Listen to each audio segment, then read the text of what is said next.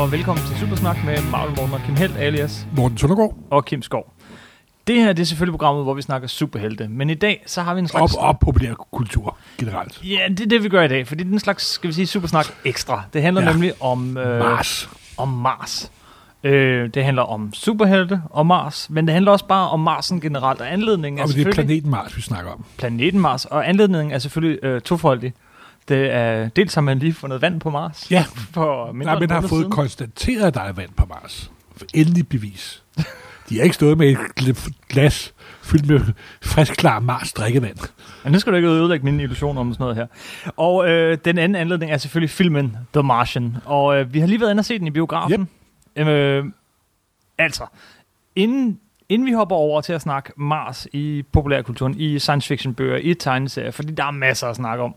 Øh, så lad os blive ved den her film et øjeblik. Jeps. Inden vi så den, hvad havde, havde du nogle forventninger? Havde du nogen... Og det havde jeg jo. Du kender mig. Jeg er jo en gammel Superman, ikke også? Og jeg mente jo straks, at der var under 20 ting fejl med den. Og jeg blev også bekræftet lidt af min for, for, fordom. Det gjorde jeg. Så du havde, du havde lidt lyst at fast på, at det her var ikke nogen god film. Nej, det, det vil jeg ikke sige, fordi øh, jeg kan godt lide Ridley Scott. Det er bare ikke dem, som normalt kan lide, som jeg kan lide. Må jeg sige med Ridley Scott. Jeg bryder mig jo ikke så meget om Blade Runner. Og, Og Alien? og Alien er faktisk OK som horrorfilm. Citat slut. Morten Søndergaard. Alien er ok som horrorfilm. Og Nej, Blade du Runner- kender mig og science fiction film, ikke også? Ja, jeg der kan, er, jeg der kan er godt, tre jeg kan godt gå ind. Nej, det er, øh, listen er blevet udvidet til fire, faktisk. Hold da op. Ja, det Skal, vi- skal vi lige starte Nej, den? okay, den tager vi en anden gang. The Martian, okay. Det er instrueret af Ridley Scott, Ja. som har lavet Alien, som har lavet Blade Runner, og Og så har lavet Thelma Louise og Mastic Men. Hav af gode film. Ja, jamen, Flotte øh, film. Jamen, Hvis ikke Ridley så er Scott de er også en flotte. fantastisk hånd, håndværker. Det er Og han. han, og han kan få folk til at gøre... Altså, han er lidt sådan den engelske Spielberg, som jeg kan sige det, ikke? Det er Og rigtigt. han kan altid få lov til at lave store, flotte film. Han bliver nogle gange ophøjet til sådan en autør, Ja. men, men i virkeligheden så er han Så er en han- super god håndværker. Han er super god håndværker, og han er skide god til at få folk til at arbejde sammen, osv. osv. Og det var også det, jeg, jeg blev sgu lidt skuffet over filmen. Jeg synes sgu ikke, den var stor nok. Jeg synes, det var lidt kedelige billeder. Okay, det er sådan, hvis, det, okay. Det, det vender vi så også tilbage til. Det var øh, sådan skrevet af, øh, øh, øh manuskriptet er skrevet af, hvad hedder han, Godard, Godard øh, fra Buffy. Ja. Og Daredevil Du miniserie. prøvede at lokke mig ved at sige, Buffy, kan jeg høre. ja, jeg ved, så, så, så, så begynder du sådan at varme lidt op. Ej, Daredevil, den der fantastiske Netflix Daredevil. Jo, jamen, den er udmærket, den er udmærket. Baseret på en øh, bog, som vist nok oprindeligt var en blog af Andy Weir. Ja. Øh, en bog, jeg har læst i forvejen. Jeg vil lige sige, at jeg har ikke læst bogen, og det, er, det her anmelder nu, det er kun filmen. Men det jo meget fint. Jeg har læst bogen. Øh, du, du har ikke læst bogen, du har kun set filmen. Øh, det er desværre ikke så lang tid siden, jeg har læst bogen, og det ødelægger altid lidt, når man sidder og ser en film, ikke? Fordi, så fik man- du forklaret alle de huller, der var i filmen. ikke? Dels fik jeg forklaret alle de huller, der muligvis, muligvis ikke var i filmen. Dels så, øh, så sidder man hele tiden og sammenligner, ikke? Selvfølgelig. Man sidder konstant og sammenligner. Der skal helst gå et stykke tid, mellem man læser en bog, og man så ser filmatiseringen, fordi endnu har jeg aldrig oplevet, at filmen er bedre end bogen, uanset hvad det er. Åh, oh, det er sket et par gange med den. Mm, Nå, det har også lige været videre. det er svært ikke at sidde hele tiden og sige, nej, det skal jeg også i bogen. Nå, nej, det skal lidt anderledes i bogen, og, og, og så videre. Men bogen er faktisk... Jamen, altså, der er jo øh, bog af et medie, film af et andet medie. Ja, men historien er... Øh, altså, Historien Jeg er Robinson Crusoe på Mars. det, ja, lad os lige få historien fra den af. Morten, go. Jamen, der er et af... Det er åbenbart lykkedes øh, NASA at komme på gang til Mars, og der er de er i gang med sådan en, en af deres ekspeditioner, som der er blevet udsat for en Mars støvstorm. Det punkterer de heller ikke i filmen, vil jeg lige påstå, at det ikke er så videre, så videre, men det er noget helt andet. Og så skal de stikke af fra Mars overflade, kaptajn beslutter, og så kommer de til at efterlade en, fordi de tror, han er død. Og det er selvfølgelig Matt Damon, og så handler det om, hvordan han overlever de her 3-4 dage, og så er der et subplot, et sideplot, der kører, hvordan de prøver på at redde ham på jorden, og så lidt med de politiske infight. Mm-hmm. Men ikke særlig meget. Der er ikke nogen skurke i den her film. Alle er og gode, var også, og alle er jeg, super Jeg seje tror faktisk også lidt det, der irriterede mig lidt. At, Jo, men det, det var simpelthen for sentimentalt, simpelthen ikke også. okay. Altså, hør du her, hvis det var NASA, og kæmpe milliard dollar projekter og fem liv, og så afhænger det hele altså ikke andet, man får en tåbelig idé, som øh, putte hul på sin handske, eller fyre noget bag, bagud, eller Morten, det var nogle for... andre tåbelige ting. Altså, ved du hvad? Den, og så, den fungerede ikke for mig som science fiction film. Det gjorde den altså ikke. Som science fiction film. Hvad mener du med? Det Jo, fungerede for, ikke for det mig. første har de jo Som- meget klogt ikke sagt, hvornår den foregår. Mm-hmm. Men lad os bare sige, at den foregår 10, 15, 20 år ude i fremtiden. Ja. det faktum, at han kun kan finde diskusmusik. På det tidspunkt må man have nogle hånddiske, der indeholder 28.000 terror super gigabyte. så man kan få alt menneskelig viden med overhovedet, simpelthen. Ikke? Der altså, har jeg faktisk... Øh, der har jeg igen, det er faktisk forklaret i bogen. Men, Jamen, det, det glæder mig lidt, fordi det forklarer ikke i filmen. Bogen. Filmen uh, starter også med at sige, at kun har 31 dage ind tilbage, hvorfor det glemmer det problem overhovedet. Og det er faktisk et ret vigtigt problem at trække vejret. Selvom der Mars, atmo, Mars atmosfære er meget, meget tynd. Det skulle man ikke tro, hvis man ser filmen, tror man nærmest, det er sådan en slags øh, Mallorca med, med storm. Men nu, altså, nu er det så ikke den, den, sådan, det sværeste i hele verden at lave ilt. Nej, men, men han bruger også ild til at fabrikere vand med, ikke? Og så videre. Jeg, synes, jeg er sikker på, at det er forklaret i bogen. Det er jeg ret sikker på. Men Derfor behøver man ikke at for, derfor skal man også prøve men, at forklare men, det. Men det, der irriterer der ved filmen, altså... Øh, det, det er, at de tror, at folk er idioter. nej, de gør, nej, det gør de ikke. Det, nej, det er fordi, du, du synes hellere, at de skulle sidde rundt om øh, et bord i filmen, og så sidde og diskutere, øh, så forklare, okay, den nej, fysiske... Nej, øh, nej, det skal det ikke, men det skal også være et... De, filmen er præsenteret som en realistisk film. Mm. Og det er fantasy, og den er sentimental. Jeg synes lige, du strammer den lidt. Det her Selvfølgelig gør jeg det. Selvfølgelig gør du det. det her, jeg, synes, jeg, jeg, jeg provokerer, tror jeg, det hedder. Det tror jeg også. Altså, men, men helt ærligt, det her er der den tørreste science fiction film i længe, tror jeg, Bo Gren Jensen skrev i Weekendavisen. Den tørreste science fiction film i længe, nu, og det er en god ting. Nu er Bo Gren Jensen jo ikke, han er godt det, nok Det skal det ikke handle om. det var bare lige for at sige, at, at vi har haft no, sådan en del science fiction film på det seneste, men det har været Jo, men det, sige, det, var, det var ikke lige så dumt som Interstellar, vil jeg sige. Men det var da tæt på. Åh, her Morten, du skaffer dig mange gode venner lige nu. men, ja, men jeg er stand til at, med modsætning til andre, så er jeg faktisk stand til at argumentere for, hvorfor de er dumme. okay, må, må, må, høre lidt mere. Nej, nej, det, det er... Altså, The Martian. Du synes ikke, at det... Og jeg vil lige sige, at jeg har altid været stor med Damon-fan, og det er stadig. Jeg synes, han er en skide god skuespiller. jeg vidste på forhånd, du havde dømt den her film ud. Lad mig lige, lige super kort rulle bogen. Bogen var faktisk... Øh, det er ikke på ingen måde en fantastisk bog.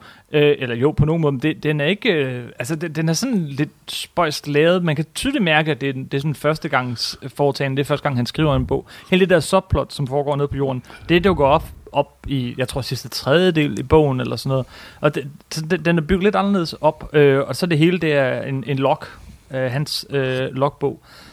Men, og, og, og man kan også sige, at det man egentlig lidt måske forventer, når man får sådan en historie om en, der er fanget to år på en planet, helt alene, tror han skal dø, er, at han går, øh, han går den der castaway øh, øh, vej ikke, og bliver, bliver sådan, åh oh, nej, og store eksistentielle tanker, og jeg dør, og, og jeg bliver ked af det og sådan noget. Nå, og det, det, var, det, var, det var ikke det, jeg savnede. Jeg savnede bare, at det bliver præsenteret som noget, den ikke er. Men er, er det ikke også lidt noget, man, er det ikke lidt noget, man forventer egentlig, at, at, at, øh, at han går igennem jamen, det der, som Tom Hanks gjorde i Castaway? Jo, det vil sige, altså? nu har han jo mere underholdningsmiddel, end Tom Hanks havde, ikke?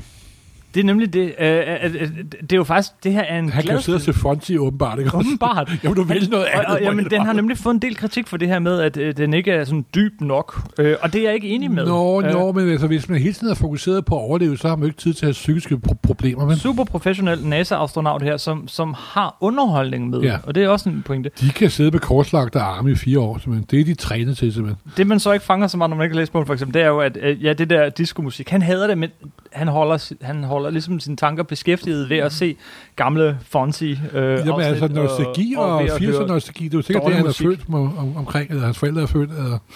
Nå, men altså, det er jo ikke nogen dårlig film som sådan, vel? For, men jeg synes faktisk ikke, at de der øh, visdager af Mars var flot nok, og, hvor, og så var underlægsmusikken altså ikke bortset fra ABBA, som jeg ikke har noget mod at bruge, den slags indlagt musik, der er i filmen. Mm. Men det der sovsmusik ovenpå, du det, synes, den var for sovset? Jamen, det synes jeg bare, det var for, det var for Hollywood, det var for sentimentalt.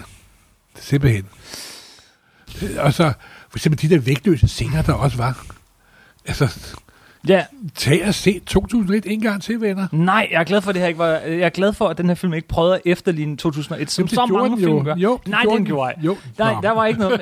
det gjorde den nemlig ikke, for det kunne sagtens have været, okay, nu skal vi lige have 10 minutter med en eller anden vægtløs nej, tilstand, nej, som rundt. Det og det elsker jeg ved 2001, men, men jeg er også så træt af at se det i alle jo, andre men, film. Og så vil jeg også lige sige en ting ved den sidste afgørende ja. scene. Nej, nej, nej. Der er altså ikke lyd ude i rummet, det er du godt klar over, ikke også? Ja, det har folk for, fortalt. Jeg er godt klar over, at der ikke er lyd ud men, nu skal der lyd på, fordi folk er jo i gang, og så er det spændende, og så skal der lidt musik for endnu spændende, og givet om de redder ham, givet om han kommer lidt levende tilbage. Du vil have foretrukket uh, sådan en, en, en, en, Jeg foretrækker, det var en film, der respekterede folks intelligens, simpelthen. Nå, Det er en nu ender jeg igen som gammel sur mand. Morten, det er en underholdningsfilm. Det er en Jamen, underholdningsfilm. det bør ikke at være en dum underholdningsfilm. det er den jo heller ikke. Det er ikke Jo, en jo, dum jo, nu, underholdningsfilm. nu Det er jeg godt kun- at sætte tingene på, på spidsen. Ej, her. du sætter det for Og meget på spidsen. lidt. Du sætter det for Men jeg meget på sidder spidsen, og fordi- bliver irriteret, når de siger i filmen, der er ikke nok ilt, og så glemmer de alt om det. Det er de vigtigste ting. På, jamen, Så, hør nu så her. du savner, at de havde brugt de der 8 sekunder på at forklare, hey, vi har faktisk den Nej, her jeg savner maskindæv, faktisk på, der står at- konstant og, og Jamen, de kunne- omdanner. Jamen, der, det, havde, det noget savner jeg, fordi de viser bare, at de ikke tager tingene alvorligt selv. Ja. Hvis de ikke selv gider at forklare det. Okay, men den scene havde været fin at have med. Øh, nu er ild ikke Det er jo store det er uendeligt men- lille i det uendeligt store. Det er det, der gør den gode historie. Okay, hvad, okay, okay, okay. Vi skal snart ud over den her film, for vi bliver ikke enige. Nej. Jeg vil lige have sagt, at det jeg lige ville have sagt om bogen, som jeg læste for cirka et år siden, Ja. det var en fornøjelse. Uden, altså, Jamen, jeg det kan ikke huske, hvornår... Det Jeg, det jeg er virkelig lang tid siden, jeg har øh, haft en bog, som jeg bare jeg er gået i gang, og så bare vrum, læst den til ende. Jamen, det er også Den fedt at, at læse historier om folk, der ved, hvad de gør. Ja, og igen, den er ikke fantastisk skrevet, den er lidt underligt opbygget, men, men den er bare drøn underholdende, fordi du har den her øh, hovedperson, som Og jeg er er... sikker på, at bogens forfatter virkelig er enig. For eksempel, han huskede, der var Mars-satellitter, som øh, NASA kunne styre osv. Ja, osv. men, men han har virkelig, han har, han, han har researchet the shit Jamen, out ja, of netop, jamen, det kunne jeg også mærke, fordi øh. jeg kunne jo godt genkende mange ting, for jeg har jo selv interesseret mig for rumprogrammet Mhm, mm-hmm. i mange år. Og der var ikke noget, der... Altså, jeg var jo 10 minutter foran plottet hele tiden, vil jeg, vil jeg lige sige. Altså, der var ikke de store overraskelser. Nej, nej, nej, nej. Jeg foretrækker bogen frem for filmen, men det gør man næsten altid, når man, især når der er gået kort tid. Øh, så det ved jeg ikke. Jeg, vil ikke. jeg synes faktisk, jeg synes filmen er god. Jeg vil ønske, at jeg så den sammen med nogen, der ikke var så forudindtaget, som så kunne fortælle mig, om det her egentlig var en god film eller ej. Jeg synes, jeg har meget svært ved at vurdere det, efter jeg lige har læst, øh, læst bogen. Jeg synes, det var en god film. Langt hen ad vejen. Den kunne sikkert være bedre. Øhm, Ridley Scott kan jo ikke lave de steder dårlige film, vel? Han kan bare lave mindre gode film. Han har også lavet nogle, der var rigtig dårlige, faktisk, når man tænker nærmere. 14, 14 92 for kraft det er noget crap. Ja, okay, den giver jeg dig. Den, den giver jeg dig. Gud, han har også lavet uh, G.I. Jane, der også var noget crap. Vi laver Og en det crap. Ridley Scott, ja. Ja, det er også, vi laver en crap Ridley Scott liste. Nej, undskyld, Ridley. Scott. Duellanterne. God film. Ja, ja, og jeg hører, jeg har, øh, til med Louise synes jeg er en af hans allerbedste film. Jeg synes faktisk, det er en skide god film. film. Skide god film. Det er faktisk en rigtig, rigtig god film. Jeg synes, det her var en rigtig flot film. Jeg synes, det er dejligt, at den ting at ikke var Scott. mere sentimental, end den var. Ridley Scott laver nogle af branchens bedste kommentarspor. Okay, det vil jeg så vil glæde sige. mig til. Jamen, han snakker virkelig godt om film. Ja. Nå, Og nok om, nok, nok om nok det. om den. Det var anledningen. Nu skal vi Ja. til... Øh, nu skal vi til... Øh, Nu skal det, vi tilbage til, tilbage til Mars. Nu skal vi tilbage til Mars, fordi Mars... Hvorfor skal vi snakke om Mars i, øh, i Supersnak? Fordi Mars har en meget stor rolle i alt kultur, menneskekultur, men især også i populærkulturen. Enorm rolle. Kæmpe rolle simpelthen. Og- Og, og, og det her podcast skal bare lige toppen af isbjerget. Yes. Vi, vi kommer til at jappe lidt igennem det, men det begynder vel... Ja, det- hvor Vi begynder med en italiensk astronom og en dårlig, og, Oversætter. og en dårlig engelsk oversætter. Ja. Der var en italiensk astronom, der i 1800 et eller andet. midt i forrige århundrede, eller mere end det, Mere end det, det, er ja. snart 200 år siden, øh, halvandet år siden cirka. Han så, der var nogle, hvad han kaldte sprækker, streger, riser på Mars. Mhm. Mm-hmm. Det blev så oversat. Øh, Nej, han kaldte det for kanaler. nej, han kaldte det for noget, der mindede om kanaler på, på engelsk. Det blev så oversat til kanaler. Ja. Og straks troede folk, at det var kanaler på Mars. Altså noget, folk havde bygget Ja, og konstrueret. dengang, der blev Suezkanalen, og der var kanaleribyggeri, det var sådan en del af den moderne civ- civ- civilisation. Og så den tanke om, at en civilisation kæmpede for at bygge kanaler for at redde de sidste rester af vand og en døende civilisation og sådan Mhm. noget, det er en meget stærk historie. Utrolig stærk historie, og den lever faktisk den dag i dag nærmest. Der, der var også, nu har jeg, det navn kan jeg ikke lige huske, men, men der blev udgivet øh, bøger, og sådan slutningen af 1800-tallet øh, med tegninger fra, øh, hvor nogen påstod, at de havde siddet og kigget på, øh, på Mars Fu- fu- igennem kikkerten og tegnet de her kanaler. Ja, ja, ja, ja det var, det var Det var- klart.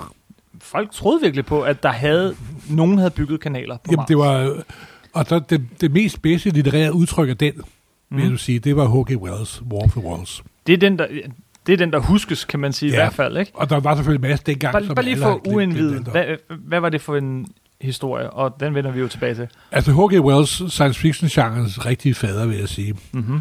Han havde lavet tids, tidsmaskinen og så videre, men hans mest berømte historie, og også hans bedste, synes jeg, er War of the Worlds fra 1898, som jeg husker. Der handler om invasion fra Mars. Ja. i virkeligheden så handler den om moderne krigsførelse, kan man sige.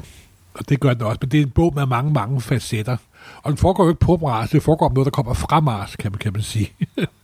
Mars men, det, men det er en fantastisk historie, der handler om, hvordan at det sådan stabile engelske samfund bliver smadret af de her krigsmaskiner, de her tripods. Mm-hmm. Der er noget af det mest effektive grafisk, der nogensinde har været, både i litteraturen og der bliver det på forsiden. De, de, de blev teg- der var tegninger i, i, i de her bøger, som, som så er blevet eftergjort på film mange Og gange, der- og, altså, bøger og tegneserier. Jeg kunne holde et foredrag bare af de forskellige udgaver af de der tripods. Selv Arne Ungermand har lavet en udgave af de der tripods.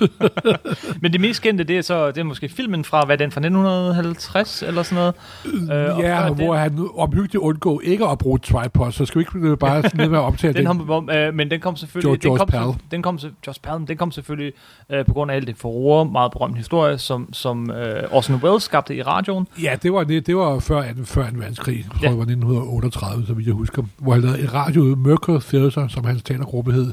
De lavede den her moderniserede udgave af War of the Worlds, hvor det lød som, at soldaterne var havnet i, i Amerika. Og de lavede sådan en fake news udsendelse, hvor de brød og broadcast og så videre. Ja. Og man kan jo sige meget, og jeg ved ikke, hvor...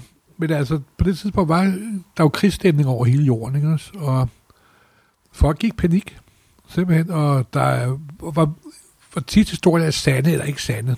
Det har jeg faktisk svært ved at gennemtrænge, men nogen, der påstår, at nogen, der begik selvmord, men der var i hvert fald visse steder, hvor folk gik i panik. Mm-hmm. Hvor meget det så er pressen bagefter, eller hvad der skete i virkeligheden, det er jeg faktisk ikke rigtig klar over til at gennemskue. Men det gjorde i hvert fald, at Orson Welles blev blev meget berømt, og fik lov til at lave film bagefter, men der var en stor, Og, og den der roman, War of the Worlds, fik en... enorm berømmelse simpelthen. Ja, en renaissance. Den, den kom ligesom tilbage Ja. efter Limelight, ikke? I min science fiction samling har jeg sådan en, en uh, udgave fra 1943, trykt kun til hæren, som vi kunne sidde og læse, mens tyskerne skød, skød løs på. Er det rigtigt? Ja, ja, simpelthen. Og det er, altså, men det er også, det sjove ved den historie er, at det beskriver jo også, hvordan moderne krig virker. Giftgas, strålepistoler, og især, hvordan civilbefolkningen bliver, bliver fordrevet fra deres hjem. Yes. Og det kaos, og den redsel, og den modbydelighed, som moderne krig er. Og så er slutningen jo øh, meget og så er slutningen igen det der med, at det var de mindste skabninger, der hjalp os. Det var bakterierne. Det var, the, øh, det var en helt almindelig forkølelse. Ja, simpelthen. Ikke? står The common cold. øh, for dem, der har set, øh, øh, det er nok de fleste, der har set den der Independence Day, så er det altså tyvstjålet derfra i øvrigt, at, at øh, det er en computervirus. Ja, nu kunne vi men jo også nævne men- Vi kan også nævne. en Spielberg-udgaven med Ja, Tom, Tom som Cruise, som mange folk ikke bryder sig om, men Spielberg-udgaven er Tom Cruise film. har en, jeg synes, den en fremragende film. Den er lavet lidt om, men den har en ting, den følger his, den originale roman nærmest kapitel for kapitel. Mm-hmm. Lavet moderniseret osv. osv. Og de har nogle fantastiske tripods. De dukker op på en lidt anden måde. Ikke? De kommer op fra jorden i stedet for ned. Ned fra i himlen, så kommer de op fra jorden, og så videre, og så videre. Men det er en fantastisk film, synes jeg faktisk. Og de dukker også op igen, de her tripods. Altså det er, og tripods, det er jo de her... Øh, Det er den her trebenede malkestol, der prøver på at invadere jorden. det er deres øh, øh, på gåben... Øh, øh, Det er deres tanks. Det er deres Ta- tanks. Det er deres tanks. tanks. Ja. Fordi de er jo sendt de her bløde, bloppede individer med fangarme tentacles og en lille spids mund, der hele tiden savler efter menneskeligt blod. Ah, Åh, det er det er også en skidegod invasion story, Og i simpelthen. tegneseriernes verden. I tegneseriernes verden dukker de også op. Ja, Marvel har jo øh, det, der hedder jo, uh, Killraven, War of the Worlds. Ja, hvad er Killraven? Jeg tror ikke, der er så mange herhjemme. Du er bare bange for, at vi ikke hopper for meget frem her i, i kronologien. Nej, lad os, lad os lige tage War of the Worlds hele vejen op, og så hopper vi tilbage. Okay, okay. Øh, det var i 70'erne, så øh, Roy Thomas han sådan fandt på nye idéer.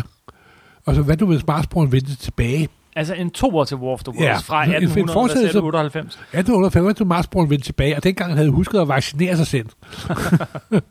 og så kommer de maskiner og udsletter hele jorden på det nogle en- få mennesker, der overlever.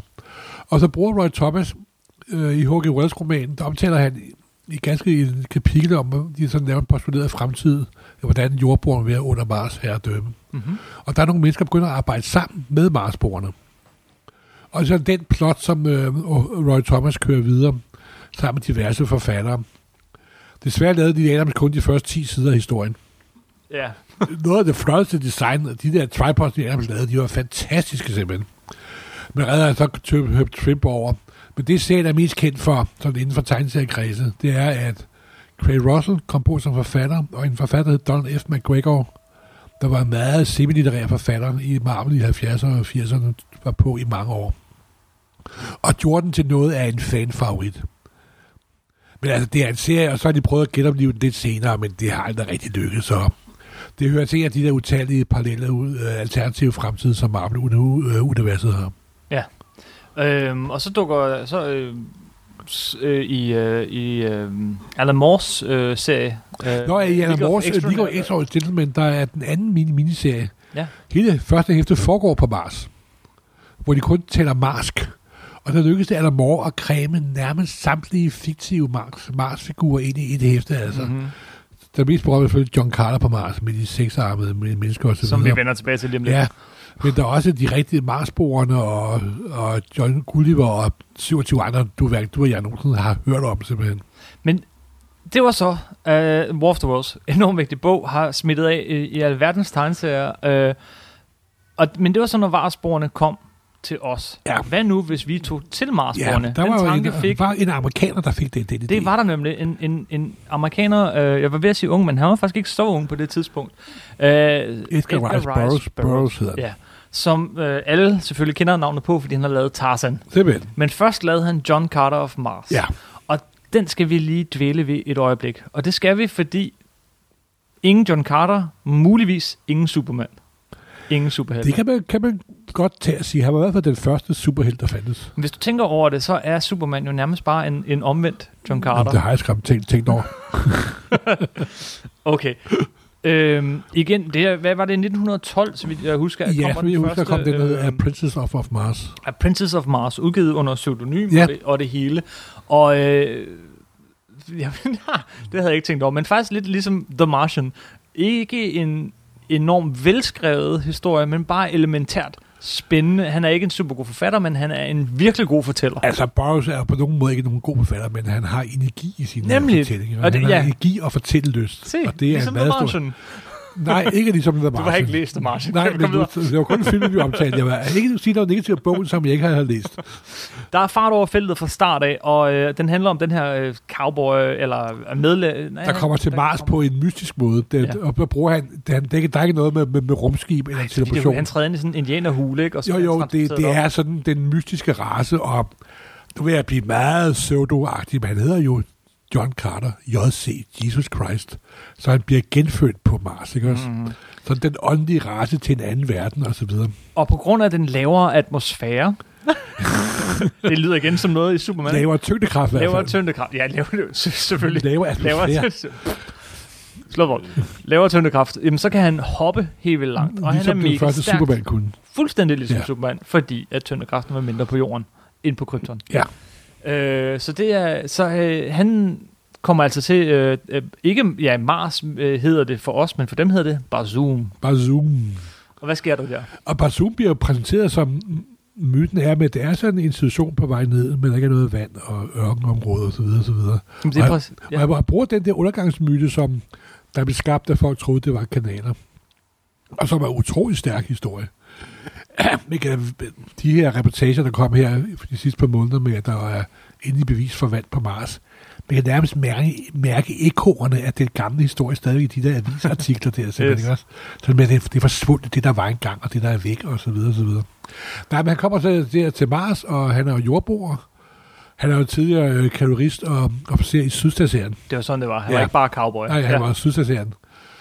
Og han, som alle hvide mennesker, der kommer ud i rummet, de overtager jo straks magten og bliver de bedste og de stærkeste. Det er det, vi gamle dage kalder for terror über alles. det er sådan en den lidt mere kedelige journalistiske del af amerikansk science fiction, må man sige. Dictatores. Ja, Dictators er jo den første geek uh, lost object, hvis jeg må sige det på den måde. Det er hun nok. Hun er nok Selvom hun lægger æg, så er hun sgu god nok alligevel.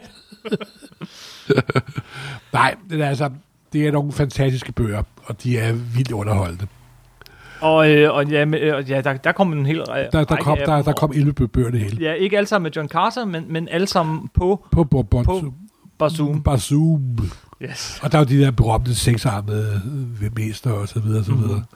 Og det er nogle fant- og, og det er også det sjove, er, at der er kommet utallige tegneserieudgaver af den historie. Utallige. Stadigvæk. Jeg den tror, dag de første de. kom tilbage i 40'erne, og der kom der nogle i 60'erne og 70'erne og 80'erne, og nu har Dynamite Comics, de har lavet et shitload af John Ja, Carter-historier. det er sjovt, ikke? Der, er, der kom, lige pludselig er der bare kommet rigtig meget af det. det er fordi, der er ikke noget, der hedder copyright mere.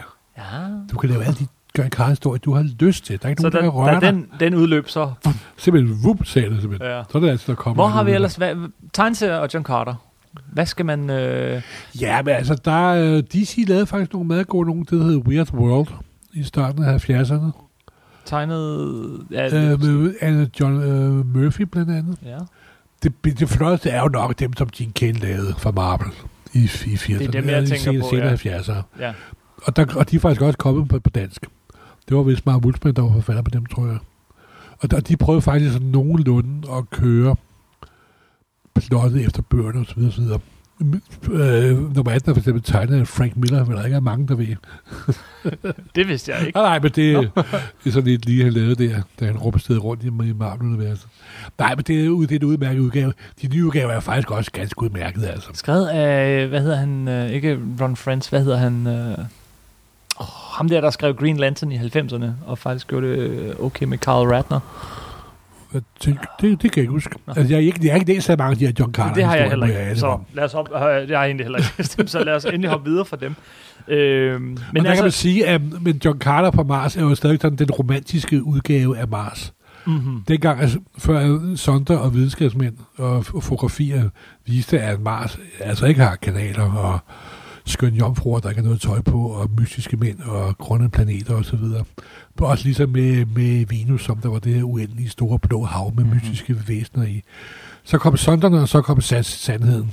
Ja, vi er oppe i 60'erne. Nu hopper Ja, du for nej, nej, nu har vi det for langt, Fordi- fordi, fordi Mars er også blevet brugt på sådan en meget poetisk måde. Ja. Dog ikke inden for tegneserier. De- Der er lavet meget flot tegneserieudgaver af det.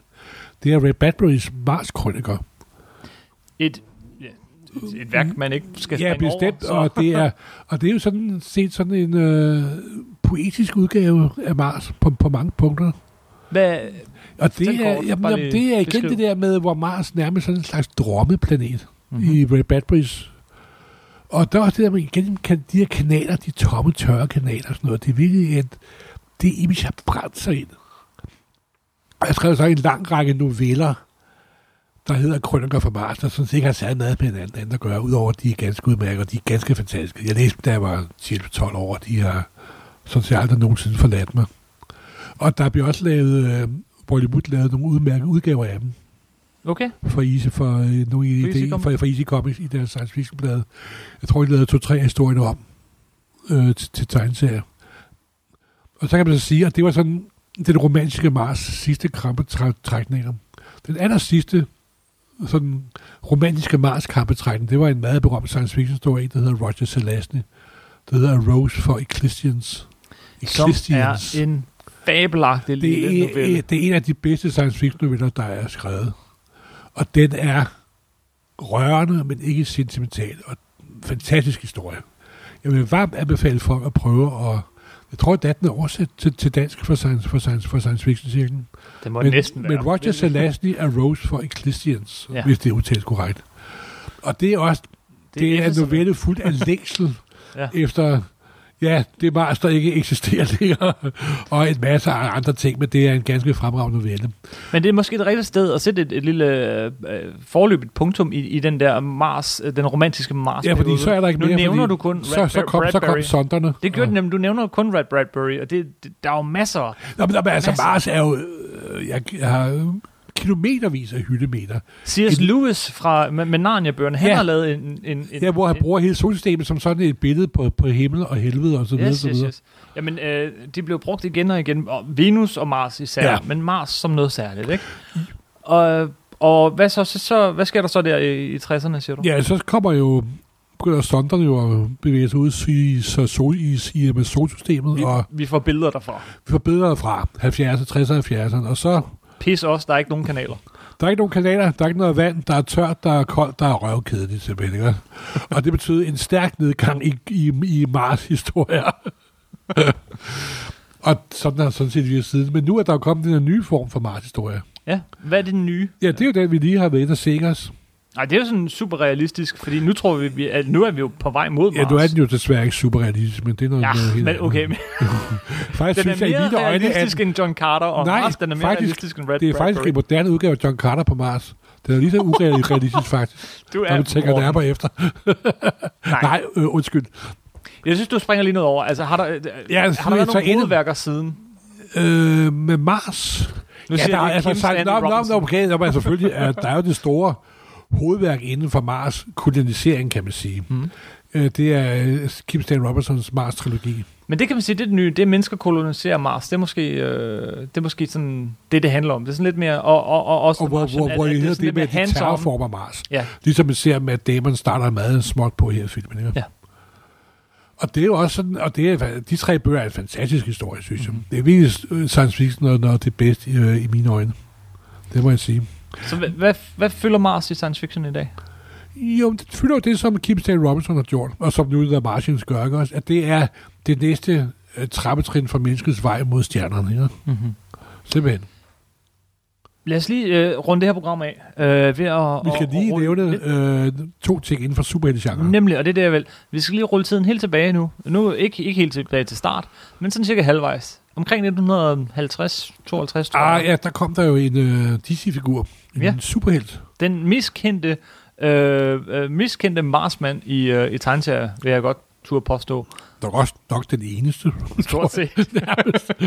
Jeg- der er sgu nok en, men øh, det er er John grøn. Johns, John Ja. Mm, menneskejægeren fra Mars. Som er medlem af Justice League. Uh, ham der er den store, uh, grønne mand, der, ligner, der kan alt det samme som Superman. Ja, og der har det her mærkelige bælte, og kan, har næsten samme kraft som Superman ikke kan tåle ild. Han er sådan en figur... Og så kan han skifte, så er han shapeshifter, som alle ting fra Mars jo er. Ja, ja. Han kan skifte... Nej, men han var en uh, DC-figur, der var videnskabsmænd på jorden, der havde sådan en teleportstråle, så kom man til at teleportere John George fra Mars til jorden.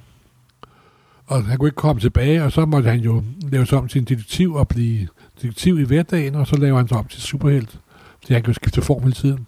Så er han John Johns, The Manhunter fra Mars. Og så er han sådan set en slags reserve Superman.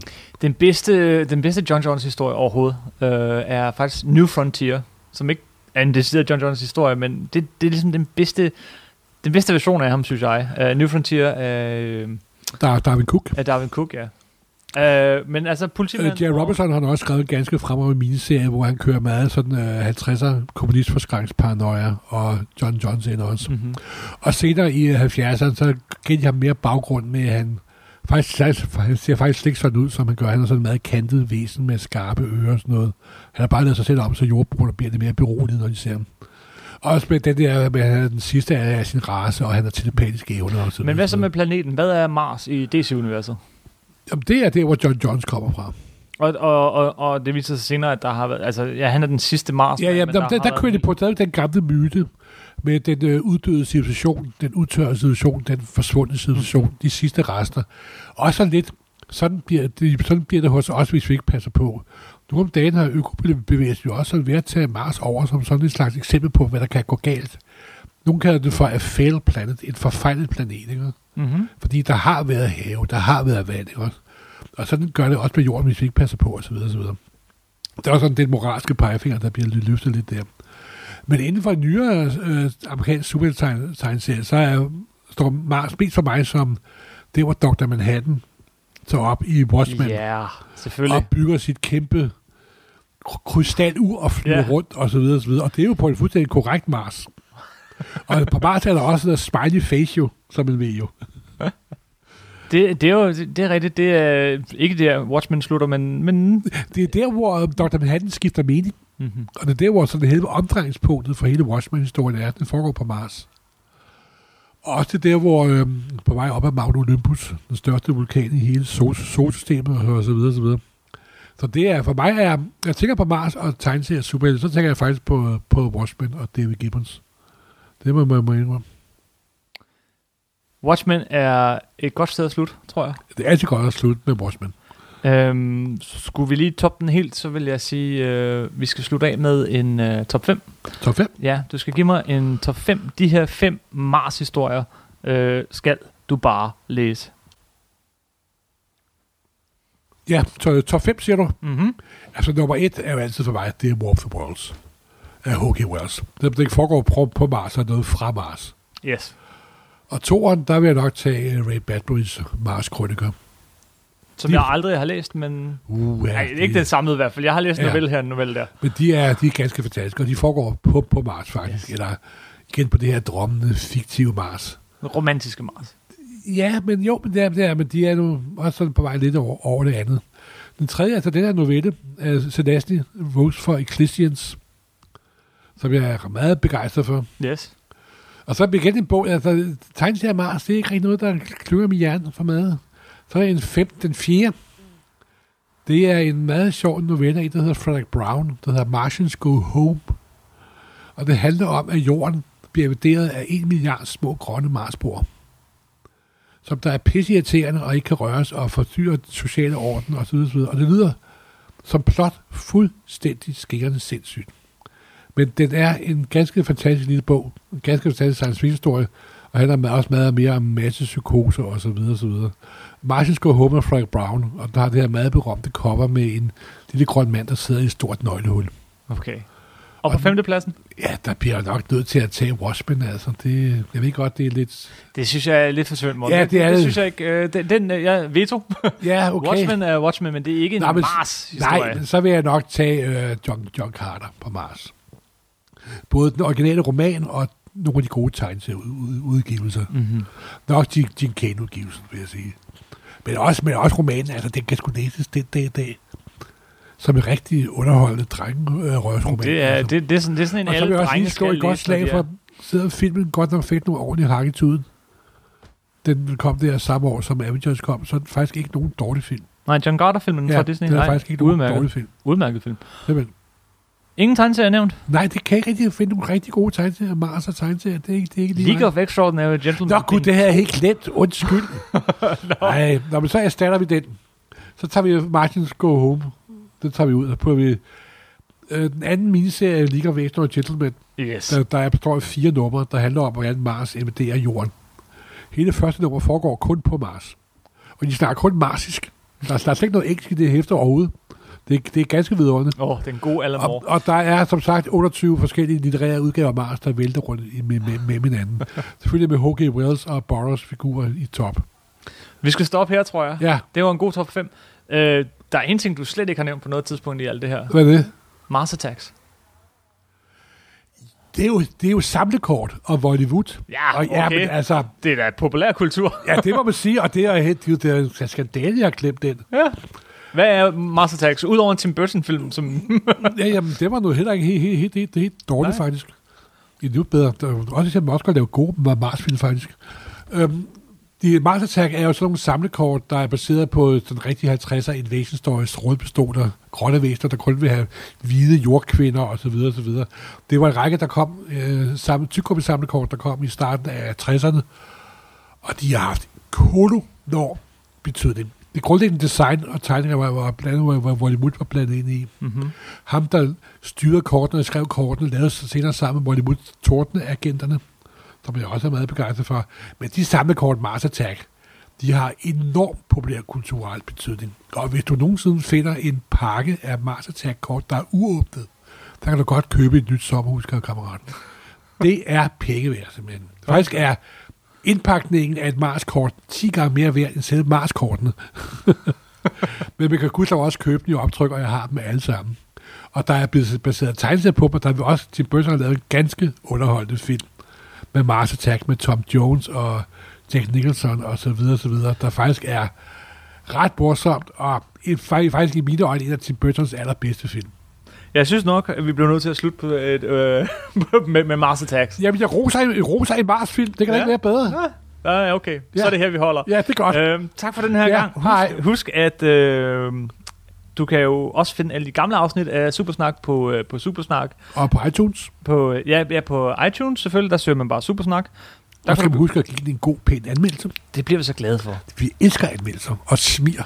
Og ellers så ligger alting på soundcloud.com supersnak. Du kan finde øh, små artikler om de seneste af de her afsnit inde på nummer 9.dk. Så har vi en Facebook-side. Det er facebook.com supersnak podcast ud i et ord. Okay, Så vi er alle steder. alle vegne. Tak. Og, ja, og, det er vi. Og hvad? Og vi er også på bogform. Men det skal vi nå få den her ud inden på bogforum. Det, det kan vi godt. Skal vi annoncere det her? Vi er på bogforum.